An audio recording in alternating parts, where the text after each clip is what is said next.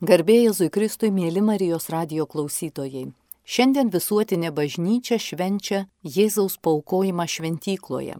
Lietuviškai mes šią šventę vadiname grabnyčiomis. O taip pat tai yra pašvestojo gyvenimo diena. Dažnai e, lietuviškai supaprastintai mes sakom vienuolių šventė. Kasgi yra tas paprastas? Ir Šiandien su jumis būsiu aš, sesuo Liucija Grybaitė, sesė Salezietė. Noriu pasidalinti kai kuriomis mintimis, kas yra pašvestasis gyvenimas, kas jis yra bažnyčiai, kas jis yra pasauliui, kas jis yra man asmeniškai, kodėl yra pašvestasis gyvenimas. Iš tikrųjų, žodis, žodžių junginys pašvestasis gyvenimas apima labai plačią bažnyčios bendruomenę. Nes pašvestam gyvenimui priklauso monastinis, tai yra siauraja žodžio prasme vienuoliškas gyvenimas. Vienuoliai, kontemplatyvūs, uždari vienuolynai, kurie atstovauja Jėzų besimeldžiantį ant kalno vienumoje. Jeigu jūs važiuojate per Europą, dažniausiai matote tuos senus vienuolynus, kurie iš tikrųjų yra statomi netgi fiziškai ant kalno. Ir tie vienuolynai turi šimtmečių, kartais net tūkstantmečio maldos tradiciją, juose gyvena monastinės bendruomenės, vyrų arba moterų vienuolynai, ir jie yra tikrai tos maldos tvirtovės, į kurį į tą kalną, kuo toliau, tuo labiau atvažiuoja vis daugiau žmonių atsigauti, pailsėti, turėti dvasinį palydėjimą, tai yra pokalbį su vienuoliu tėvu ar vienuolę dvasinę motiną, pasisemti jėgų ir toliau grįžti į gyvenimą.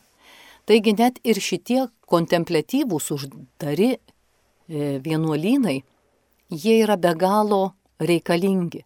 Aš visada sakau, kad taip kaip Amazonės miškai yra biologiniai plaučiai pasaulio ekologijai, kurie išsaugo dar šiokią tokią pusiausvyrą mūsų gamtoje. Tai kontemplatyvūs vienuolynai yra tie dvasiniai plaučiai, kad žmonija tarp nuodėmės ir malonės, tarp tiesos ir melo, tarp netikėjimo ir tikėjimų būtų išlaikyta pusiausvyrą. Atrodo, jėgos tikrai nelygios, nes tų vienuolynų nėra tiek jau daug ir tų žmonių šitaip intensyviai belaikančių pasaulį maldoje nėra daug. Tačiau mes tik amžinybėj pamatysim, koks didelis yra jų poveikis. Šie vienuoliai, būdami uždari, savo širdyje yra labiausiai atsivėrę žmonės. Jų malda, jų auka, visa tai, ką jie išgyvena, yra skiriama už visą pasaulį. Ir dažnai šių vienuolinių bendruomenių, kontemplatyvių vienuolinių bendruomenių asmenys apie pasaulio situaciją žino daug geriau negu kad mes, kurie klausom galbūt begalę informacijos, bet viskas pro mus taip prateka ir net neįsigilinam ir tuo labiau tai nevirsta mums malda už vieną ar kitą situaciją. Taigi, vienuolinės bendruomenės kontemplatyvios Ir nuo to ir žodis yra vienuolis, vienas vienatvėje su Dievu, Monako. Daug didesnis skaičius yra vadinamų aktyviųjų, veikliųjų, apaštalinių. Lietuviškai mes sakom vienuolijos, kongregacijos, institutai. Tai yra tos pašvestųjų bendruomenės, kurios buvo įsteigtos konkrečių steigėjų su labai konkrečia charizma. Charizma tai reiškia pašaukimu. Ar tai slaugyti ligonius, ar tai dirbti švietimo srityje, ar evangelizacijos, spaudos, dabar jau masinės informacijos priemonėmis naudotis. Kiekvienas steigėjas turėjo iš viešpaties ypatingą pašaukimą. Tai yra steigėjo pašaukimas. Ir jis atliepdamas į viešpaties kvietimą, kas buvo įdėta jo širdį, pavyzdžiui, motina Teresė, kuri buvo pašaukta viešpaties eiti į Kalkutos gatves ir rūpintis pačiais labiausiai apleistais ir sergančiais paskutiniaisiais. Šventasis kunigas Jonas Bosko, mūsų įsteigėjas, kuris buvo viešpaties įkvėptas eiti į Turino miesto gatvę Šiaurės Italijoje ir rūpintis jaunuoliais, kurie neturėjo iš ko gyventi, neturėjo ką veikti, neturėjo kuo maitintis ir tuo labiau buvo moraliai apleisti. Kaip arkivyskupas Jurgis Matulaitis, kuris norėjo atnaujinti Lietuvos bažnyčią, rūpindamasis tiek darbininkais, tiek inteligentyje. Taigi šitie ir daugelis kitų steigėjų, jie turėjo labai konkrečią savo veiklos liniją. Ir tada paskui juos pirmiausia, pirmieji jų bendradarbiai ir tapo tų naujų vienuoliškų šeimų nariais. Taip gimė bažnyčios istorijos eigoje per 2000 metų begalės apaštalinių vienuolyjų. Vienos iš jų atlikę savo misiją, natūraliai kaip gyvas organizmas, atsirado, plėtojosi ir išnyko. Joms išnykus kitos kongregacijos, kiti šventieji atsirado ir vėl tada nauja charizma, naujas poreikis visuomenėje ir atsiranda naujos vienuoliškos šeimos. Dar pašvestajam gyvenimui priklauso taip pat ir pašvestųjų pasauliečių institutas. Tai yra nu, ganėtinai nauja gyvenimo forma visuotinėje bažnyčioje, pilnutinai teisinta po antrojo Vatikano susirinkimo, kada pasaulyje gyvenantis asmenys, tiek moterys, tiek vyrai, sudeda įžadus, tuos pačius, apie kuriuos mes dar kalbėsim, tai yra skaistumo, neturto ir klusnumo, tačiau jie gyvena pasaulyje ir yra pasauliečiai. Taip ir vadinasi pašvestųjų pasauliečių institutai.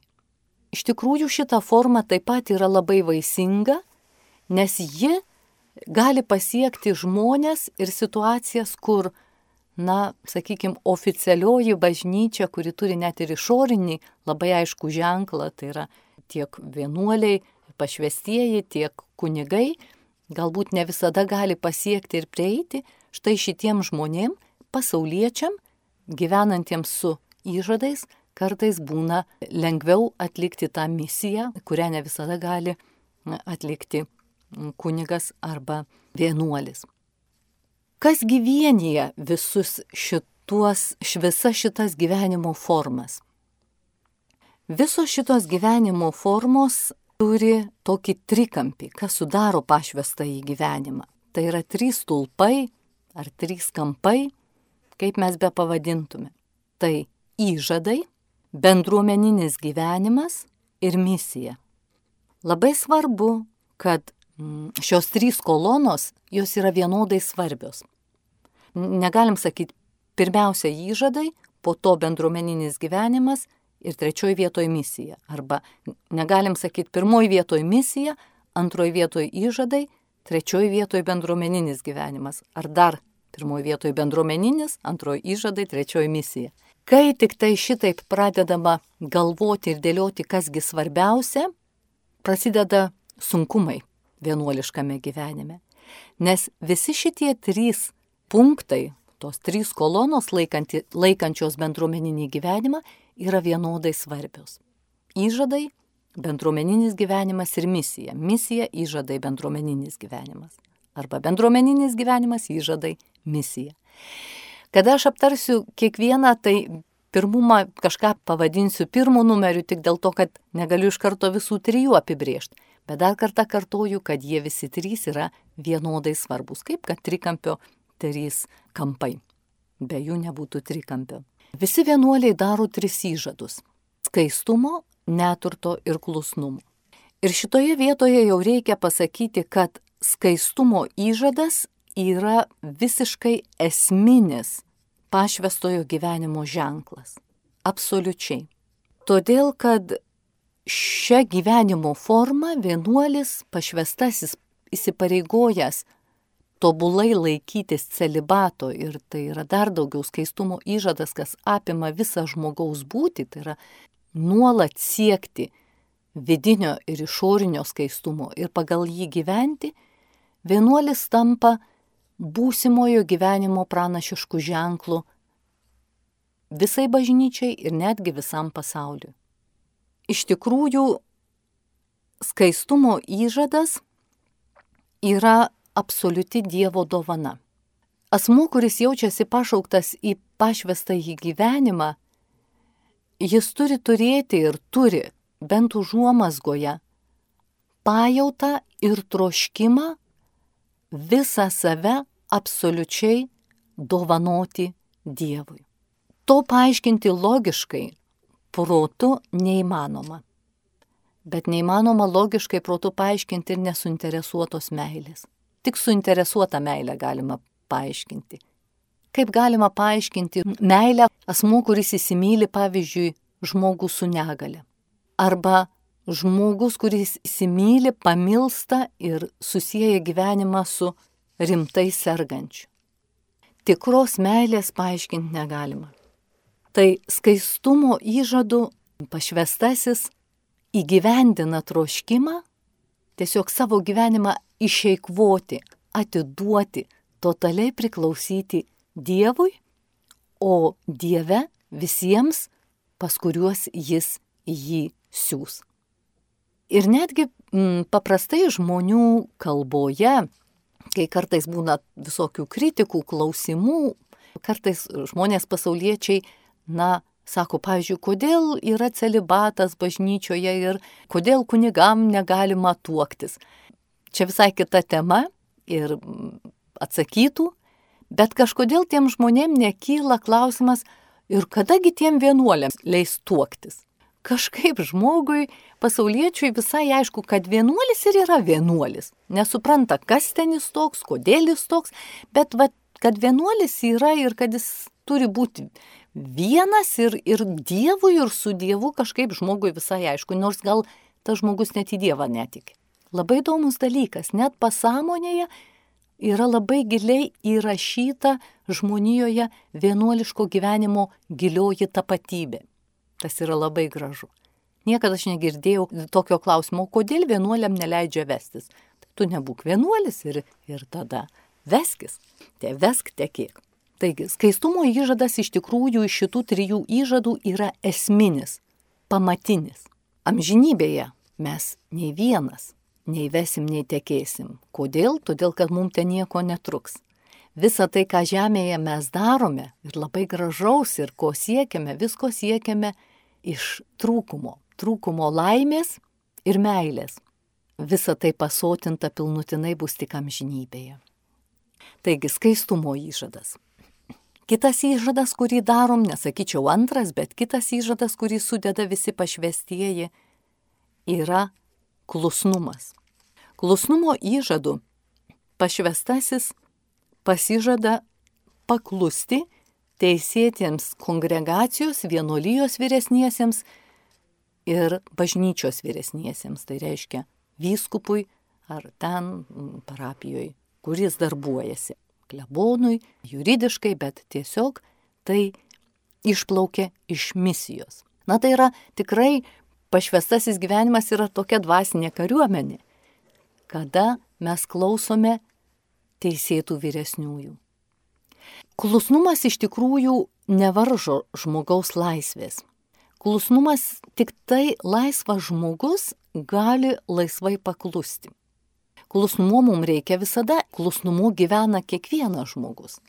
Vaikas gyvena klusnumu savo tėvam, darbovietėje pavaldinys gyvena klusnumu savo vyresniesiems, tik tai labai svarbu, kad tas, kuris turi pareigą vadovauti ir būti atsakingas už pavestuosius, lieptų, tvarkytų, e, sakytų, ką daryti, labai sažiningai ir su meile. Ir turbūt nėra jokios kitos, net neturbūt, o tikrai nėra jokios kitos grupės žmonių, jokios kitos institucijos, kur klusnumas neišgyvenamas laisviau negu kad vienuoliškose bendruomenėse. Turbūt nedaug mes rasime struktūrų, darbo ir netgi šeimos, kur džiaugtųsi žmona, kad turi paklusti vyrui, pavaldinys, kad turi paklusti darbdaviui ir kur tas klusnumas yra malonus. Ne visada ir vienuoliškame gyvenime jis būna lengvas ir malonus, tačiau iš tikrųjų labai, labai labai daug tūkstančiai pašvestųjų, kurie gyvendami klusnumo įžadu tiek savo šventumo kelionę išplėtojo, tiek bažnyčiai atnešė labai labai daug šventumo vaisių. Pagalvoju aš tik apie misionierius, man visada net širpas nueina per nugarą, kai prisimenu, nes teko matyti studijų laikais. Kiekvienais metais, pavyzdžiui, mūsų kongregacija, mūsų institutas seserų salėziečių generalinė motina kreipiasi į viso instituto seseris, o mes esame visuose penkiuose kontinentuose, yra mūsų apie 13 tūkstančių, parašo tokį aplinkraštį ir sako, seserys, kuriuos jaučiat pašaukimą į misijas, rašykit, rašykit į generalinius namus Romoje ir tada e, surenka tuos prašymus, tai yra pašaukimas pašaukime, Ir tos seserys atvažiuoja, jos ruošiasi misijom, tai yra mokosi kalbą, gal medicininę žinias praeina, dar kitus dalykus pagilina. Ir paskui kągi, įsivaizduokit, ateina į kambarį pas vyresnėje, pažiūrėjau, yra gaublys ant stalo, toks didelis pasaulinis, sako, į kurį žemyną. Motina, kur dursit, į kurį skirsit, ten ir važiuosiu. Gerai, sako, tu sesuo važiuok į Afriką, tu važiuosi į Indiją, tave skiriam į Europą. Ir ta visiškoj laisviai visiškas klusnumas. Kad pasiekti tokį klusnumą reikia pirmiausia išgyventi labai didelę laisvę. Laisvę, žinant, kad aš priklausau Dievui ir Dievas per teisėtus vyresniuosius skiria man tai, kas pirmiausia mano sielos išganimui yra naudingiausia, jo garbiai ir kitų geroviai. Dar kartą sakau, mano sielos išganimui, Dievo garbiai ir kitų sielų geroviai yra naudinga. Ir štai taip važiuoja misionieriai, stato mokyklas, ligoninės, moko vaikus gatvės, įvairiausias misijas atlieka. Tai klusnumas yra labai didelė, taip pat tai yra Dievo dovana. Tai nėra prigimtinė tokia darybė, jinai yra labai ribota prigimtinai ir mes žinom, kad nuodėmė visada kelia mumyse maištą. Bet tas, kuris jaučiasi pašauktas pašvestajam gyvenimui, jis jau turi patirti klusnumo Dievo dvasiai, Dievo vedimui. Ir jeigu aš esu patyrusi Dievo vedimą, Dievo rūpestį manimi, ir jeigu aš jau išmokau savo širdyje išgirsti ir paklusti, ko viešpats iš manęs nori, man tada darosi po truputį vis lengviau ir lengviau išgirsti ir paklusti ir teisėtiem vyresniesiems, kai jie mane siunčia, prašo arba e, atvirkščiai e, sako kažko nedaryt ar kažką daryt. Taigi antras įžadas, kitas įžadas būtų klusnumas. Ir dar vienas įžadas, kurį sudeda pašvestieji, yra neturtas. Kasgi yra neturtas? Pirmiausia, tai yra suvokimas savo ribotumo, savo nuodėmingumo ir tai, kad gimtosios nuodėmės padariniai mane padaro ribotą ir reikalingą kito ir kitų. Man neužtenka savęs. Kadangi man neužtenka savęs, man reikia pirmiausia Dievo, o paskui ir kitų žmonių. Ir iš jų aš galiu gauti ir su jais galiu dalintis. Neturtas nėra vien tik, aš sakau šitą labai atsakingai, vien tik išorinis kažkoks materialinių gerybių apribojimas. Tai irgi labai svarbu. Ir atsimenu, kai kažkada savo vyresnėjai pokalbėje pasakiau, jeigu neturtą reikia aiškinti, neturtas nebėra neturtas. Neturtas turėtų ir turi matytis ir išorėje. Ir vėlgi labai m, mm, atsimenu tokį paprastą liudijimą, kada mes darom, darėme remontą ir meistrai atėję į tam tikras patalpas pasiūlė kažkokiu būdu truputį dekoruoti sienas ir sako, čia jums mažiau matysis švarumas, kai vaikai su, suteplios, nes yra vaikų dienos centras, pas mus visada daug gyvybės ir sako, ne kažką ir brangiau kainuos, bet atrodys už tai labai iškilmingai. Ir mūsų vyresnioji labai gražiai pasakė, dėl to mums to ir nereikia, kad atrodys iškilmingai. Nes mūsų kambariai, mūsų patalpos turi atrodyti labai paprastai, švariai ir tvarkingai, o iškilmingumo mums nereikia. Tai toks banalus gal pavyzdys, bet iš tikrųjų neturtas pradedant nuo visai paprastų išorinių dalykų, gyvenamosios aplinkos, daiktų, kuriais naudojosi, eiti vis gilin į vidų ir koks mano neturtas yra širdyje. Pašvestojo širdyje yra vietos. Jis, pašvestojo širdis, neuž, kaip čia pasakyti gražų žodį, neužkrauta. Nenorėjau pasakyti kitokį, neužkrauta, neprikrauta savigailos, savimėlės, savų nuoskaudų, problemų savimi jinai yra išlaisvinta, jinai yra neturtinga, jinai yra tuščia. Ir jeigu jinai yra tuščia, joje gali būti Dievas ir tie žmonės, su kuriais pašvestasis susitinka. Tie žmonės, pas kuriuos pašvestasis yra siunčiamas. Tie žmonės, tie įvykiai, kas ateina į pašvestojo gyvenimą. Neturtas yra gebėjimas dalintis ir gebėjimas priimti. Ir neturtas žmogų padaro atvirą. Ir jisai sako, man reikia Dievo ir man reikia brolių ir sesių. Ir aš noriu būti kitiems brolis ir sesė. Tai yra bendrystės sąlyga.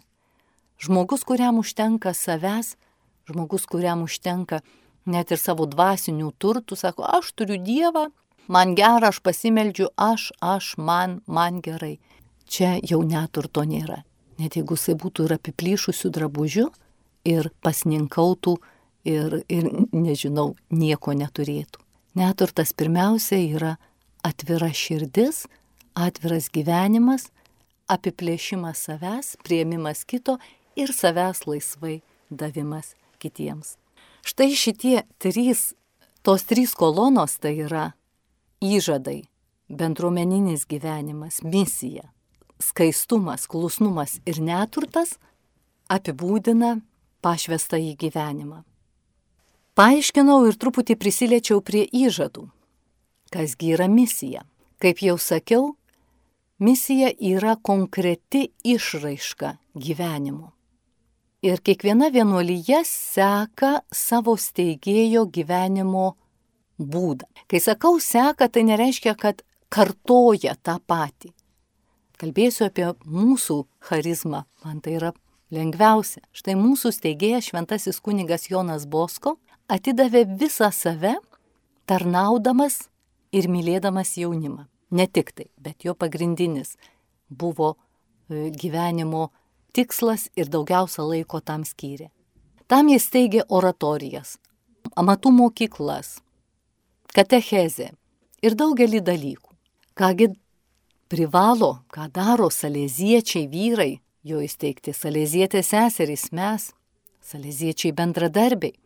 Užduoda savo klausimą, mato ir stengiasi atliepti, ką turiu ir kaip galiu pasitarnauti jaunimui šiandien toje vietoje, kur aš esu, kur mane siuntė bažnyčia. Galbūt aš neturėsiu mokyklos, gal aš neturėsiu šimto vaikų, gal aš turėsiu penkis vaikus, gal aš neturėsiu galimybės atidaryti oratorijos. Bet ką aš galiu padaryti? Ir jeigu tol, kol salėzietis yra ištikimas, kad jis nori mylėti Dievą, mylėdamas ir tarnaudamas jaunimui, o įvairiom formom, kokiom tik gali, tol šitas salėzietis pašvestasis yra ištikimas savo instituto, savo kongregacijos, savo steigėjo charizmai. Ir misija pareikalauja viso žmogaus. Misija nėra darbo laikas nuo 8 ryto iki 5 vakaro. Tada, kada pašvestasis būna su ligoniais, su vaikais, su jaunimu dienos bėgyje, jis dar gal net labiau būna tada, kada jisai meldžiasi. Tyliomis vakaro valandomis ar ankstyvomis ryto, ankstyvų ryto laiku. Misija apima jo visą gyvenimą. Tai yra skirtingai negu, negu kartais pasaulyje žmonės ir tai, ką jie daro, yra gerai, sako, grįžtų namo į šeimą ir darbą reikia palikti. Darbą palikau už durų, dabar aš turiu būti su šeima. Tai yra pasaulietčio gyvenimo forma. Pašvestasis viską savo širdyje atneša į bendruomenę ir atvirkščiai vakare, kai mes susėdam, o kartais mes tik vakare ir galim e, vakarieniaut kartu, grįžę iš dienos centro, iš mokyklų, iš katechezės, iš įvairių susitikimų, rekolekcijų su jaunimu, mes kaip tik vakare aptariam, dalinamės, kuo gyvenom, kas pavyko, kas buvo lengva, kas sunku, kas pradžiugino ir kas gal nuliūdino. Ir tai dedam į maldą vakare, nešam.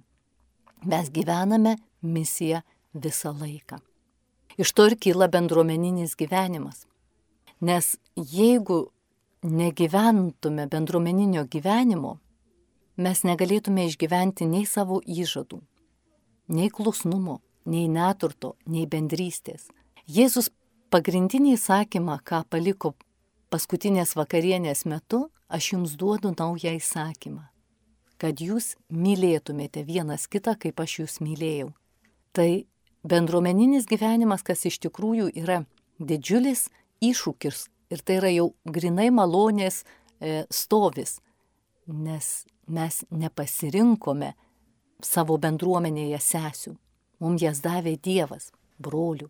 Tačiau mes nepasirinkome ir tėvų, mes nepasirinkome ir savo kraujo brolių ar sesių. Ir išmokt mylėti ir sugyvent su tais, kuriuos mums davė Dievas, yra iššūkis ir dovana. Bendruomeninis gyvenimas turi du pagrindinius e, tokius e, stulpus.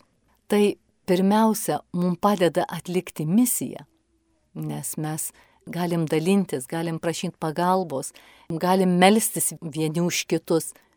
Ir antras dalykas, jis bendruomeninis gyvenimas mus išvelka iš egoizmo. Kol žmogus gyvena vienas, viskas labai gerai. O mes žinom, kada kai ar sukūriama šeima, ar įstojama į bendruomeninį gyvenimą, nuo aš reikia pereiti prie mes. Ir tas procesas vyksta visą gyvenimą. Bet tai tik tai yra tikras šventumo kelias. Nes kaip aš galiu mylėti Dievą, kurio nematau, jeigu nesistengiu, nesistengiu arba neturiu sąlygų, galimybių mylėti brolį, sesę, kuris yra šalia manęs. Vienuolinė bendruomenė, pašvestųjų bendruomenė, savo gyvenimo būdu irgi yra atsakinga būti ženklu, kaip įmanoma gyventi drauge dėl Jėzaus. Atsimenu, kai buvau Italijoje studijų metais, atvažiavo aplankyti manęs e, draugė su savo vyru Ir kai pamatė mūsų namuose, mūsų bendruomenė universitetinėje, buvo tada 50 seserų ir nebuvo tik Australijos. Visos spalvos, visos kalbos. Sako, kaip jūs randat bendrą vardiklį? Tikrai Dievas turi būti. Jūs įsivaizduokit visame kame kiek skirtumų - kalbos, kultūros, maisto, tradicijų. Paimkite Lotynų Ameriką ir Japoniją, pavyzdžiui. Ir tikrai nuoširdžiai sakau, kad Nežinau, kada buvau patyrusi tokią gilę, gražią bendrystę su savo sesėmis alezietėmis, kaip tais per tuos studijų metus, kada gyvenau su įvairiausių tautybių sesėm, kada kartu valgėm, kartu mokėmės, kartu šventėm, kartu meldėmės, kalbėjomės ir tai be galo praturtina. Tai štai toks yra pašvestasis gyvenimas. Kaip kokia jo ateitis, daug kas klausia. Sako, kad iš tikrųjų švestųjų yra vis mažiau ir manau, kad pašvestasis gyvenimas, taip kaip ir visuotinė bažnyčia, yra pereiname, pereiname laikotarpyje. Šventoji dvasia kūrė kažką naują. Ir mano giliu įsitikinimu, ne tiek reikia galvoti ir pergyvent, kad būtų daugiau pašaukimų, kaip tą daryti, kiek reikia įsipareigot labai dideliai ištikimybei dabarčiai ir labai dideliam atidžiam klausimui, kur link šventoji dvasia mane veda. Kiekviena iš mūsų, kaip pašvestai, ir mus kaip bendruomenė. Į kur kviečia, ką ragina daryti, o gal ko atsisakyti. Ir jeigu mes būsime ištikimi, bet ne pasyviai, o aktyviai savo pašaukimui, savo dvasiniai kelioniai, klusnus Dievo įkvėpimams. Dievo dvasia turi planą. Ir tikrai pašvestasis gyvenimas kaip labai didelė Dievo dovana bažnyčiai ir netgi visam pasauliui tikrai išliks. Mes turime rūpintis savo dabartimi, ištikimybę, aktyvę, jautrę, klusnę ištikimybę dabarčiai. O ateitis priklauso Dievui. Ačiū, brangus Marijos radio klausytojai, už šį galėjimą su jumis susitikti per šią katekezę. Prašau, kad prisimintumėte šiandien ir melstumėtės už visus pašvestuosius Lietuvoje ir pasaulyje, kad melstumėt jiem ištikimybės malonės jų pašaukimo kelyje, o pašvestieji tikrai šiandien melsis už Lietuvą ir visą pasaulį ir už ištikimybę jūsų kelyje - šeimos, profesijos ar kur bebūtumėt. Ir taip mes reikalingi vieni kitų ir maldoje vieni už kitus esam ta pati viena Dievo be galo mylima jo tauta. Su jumis buvo sesuo Liucija Grybaitė. Ačiū Jums uždėmesį. Garbė Jėzui Kristui.